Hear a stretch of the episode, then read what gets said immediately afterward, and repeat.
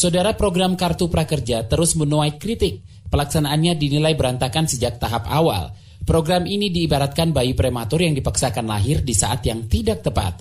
Berikut cerita beberapa peserta yang sudah mencicipi pelatihan kartu prakerja. Laporannya disusun jurnalis KBR Valda Kustarini, dibacakan Fitri Anggreni. Cari di gelombang satu dari awal saya tanggal 16, tapi diterimanya di gelombang dua. Agustinus Edi Kristianto tak menyangka saat mendapat pemberitahuan lolos program kartu prakerja gelombang kedua. Bos media daring ini sengaja mendaftar untuk menelisik jalannya program senilai 20 triliun rupiah itu. Dia ingin mencari tahu apakah program tersebut sebaik klaim pemerintah Agustinus lolos seleksi meski mendaftar sebagai wira swasta. Saya tuh ngisinya memang bekerja sebagai wira swasta gitu loh. Akhirnya kan manajemen pelaksana bilang katanya masuk kualifikasi masyarakat umum. Kalau pertanyaan tentang seberapa jauh usaha Anda terkena dampak, berapa penurunan omset itu nggak ada. Agustinus mengikuti kelas daring pelatihan jurnalistik di Skill Academy Ruang Guru seharga Rp220.000.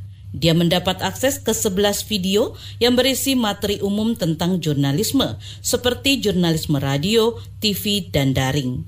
Menurutnya, konten dalam belasan video tersebut tak mencerminkan pelatihan untuk menjadi jurnalis profesional sangat jauh dari cukup. Pada intinya namanya pelatihan ya harus berlatih dengan langsung gitu loh, menulis lead, menulis judul dan seliput. Tidak bisa itu materinya masih terlalu umum. Hanya memberikan pengetahuan awal aja bagi orang. Menurut Agustinus, kartu prakerja tak hanya lemah dalam penyaringan peserta, tetapi juga pengawasan.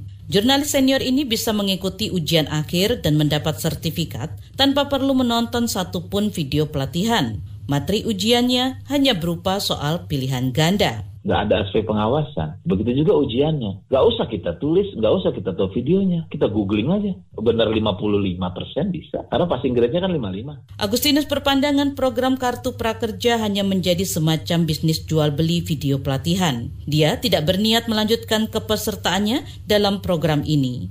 Sisa saldo pelatihan sebesar 780 ribu akan didiamkannya, sehingga nanti otomatis kembali ke kas negara insentifnya 600 ribu tapi belum ditransfer masih diproses. Kevin Chandra, peserta kartu prakerja gelombang pertama mengeluhkan keterlambatan pencairan insentif sebesar 600 ribu rupiah.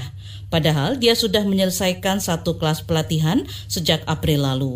Kelas itu bertajuk Teknik Menulis untuk Pemula seharga Rp75.000. Ini kan yang ditransfer pelatihan pertama itu kan. Pelatihan kedua selesaiin dulu. Yang nggak nggak ngapa yang nunggu aja. Pokoknya prakerja tuh kudu sabar dah. Materi dan ujian kelas pertama mampu dituntaskannya dalam waktu sehari. Kini, Kevin tengah mengikuti kelas pelatihan kedua. Iya 15 soal, nah ada pilihan ganda gitu. Pilihan gandanya juga nggak susah kok, berhubungan tentang paragraf. Jadi ini paragraf apa, dan muncul sertifikat kedua bersama nilai. Ia sejak awal memilih kelas jurnalistik untuk mempertajam kemampuannya menulis berita. Namun ternyata materi pelatihannya tak jauh berbeda dengan apa yang dipelajari waktu kuliah dulu. Meski begitu, dia masih berharap sertifikatnya nanti bisa memberi nilai tambah saat melamar kerja. Kalau dibilang baru nggak baru karena dari kuliah juga udah mempelajari itu. Di lapangan juga udah ngeliat bagaimana cara kerja wartawan. Yang bergengsi itu sertifikat. Sertifikatnya kan di institut. Sementara itu, pendiri Kata Data, Meta Dharma Saputra berpandangan kartu prakerja bak bayi prematur. Desain awal program ini sebenarnya ditujukan untuk peningkatan kompetensi angkatan kerja baru. Situasi pandemi membuat program berubah haluan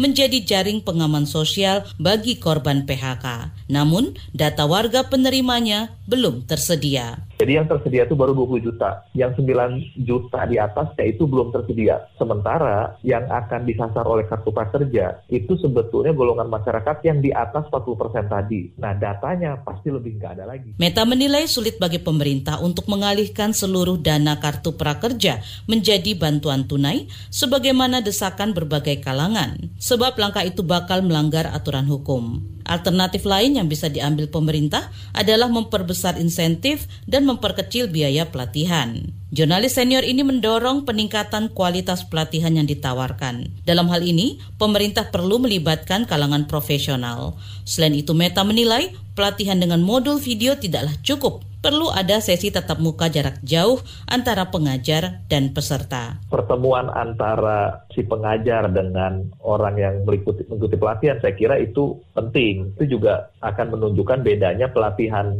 paket ini dengan yang orang menyampaikan modul gratis itu di YouTube. Demikian laporan jurnalis KBR, Valda Kustarini. Saya Fitri Anggreni.